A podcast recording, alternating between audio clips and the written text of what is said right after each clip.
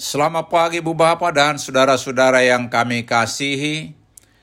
Kami dari Yayasan Badan Kerjasama Marturia mengucapkan selamat beraktivitas hari ini di dalam penyertaan Tuhan kita Yesus Kristus.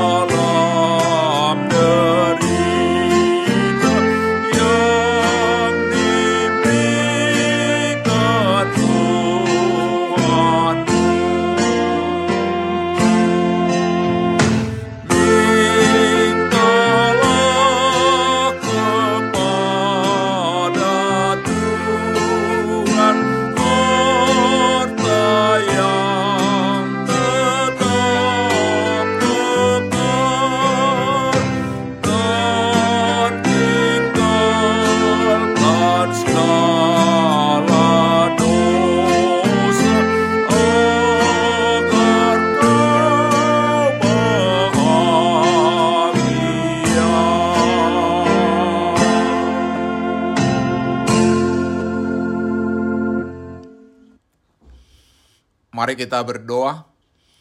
Tuhan Yesus, di pagi hari ini kami hendak merenungkan firman-Mu. Berikan kepada kami hikmat dan pengertian untuk memahami firman-Mu, dan tolong kami untuk melakukan firman-Mu dalam kehidupan kami. Amin.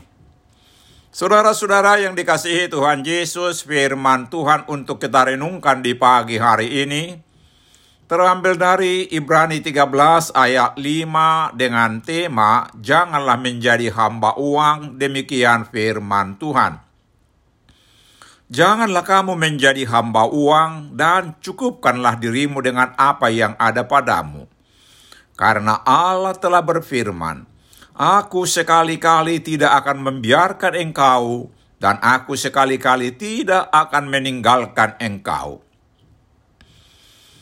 Topik renungan di minggu ke-16 setelah Trinitatis ini ialah hidup dalam didikan Tuhan.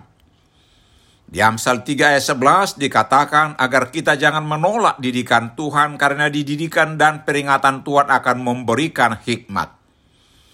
Hikmat itu lebih berharga dari emas, permata, dan perak, memberi kekayaan, kehormatan, dan panjang umur. Dan orang yang berhikmat tahu yang lebih utama dalam hidupnya yang menyenangkan hati Tuhan. Di dalam ayat hari ini, kita dinasehati supaya jangan menjadi hamba uang, tetapi mencukupkan diri dengan apa yang ada pada kita, karena Tuhan tidak akan membiarkan kita dan sekali-kali tidak akan meninggalkan kita. Orang yang menjadi hamba uang adalah orang yang tidak berhikmat, yang khawatir akan hidupnya.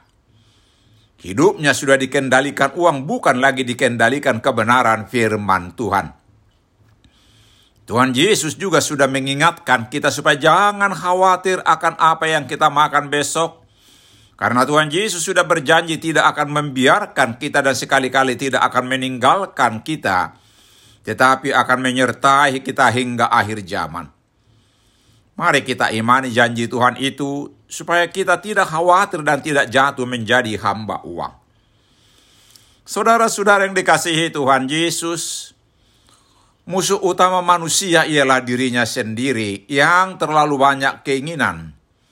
Ingin kaya dan akhirnya jatuh ke dalam pencobaan dan berbagai-bagai hawa nafsu yang hampa yang mencelakakan dan menenggelamkan kita ke dalam keruntuhan dan kebinasaan. Iblis menggoda hati kita supaya bersandar kepada uang atau menjadi hamba uang. Di 1 Timotius 6 ayat 10 dikatakan, karena akar segala kejahatan ialah cinta uang. Karena itu, janganlah menjadi hamba uang, tetapi belajarlah bersyukur dan mencukupkan diri dengan apa yang ada pada kita.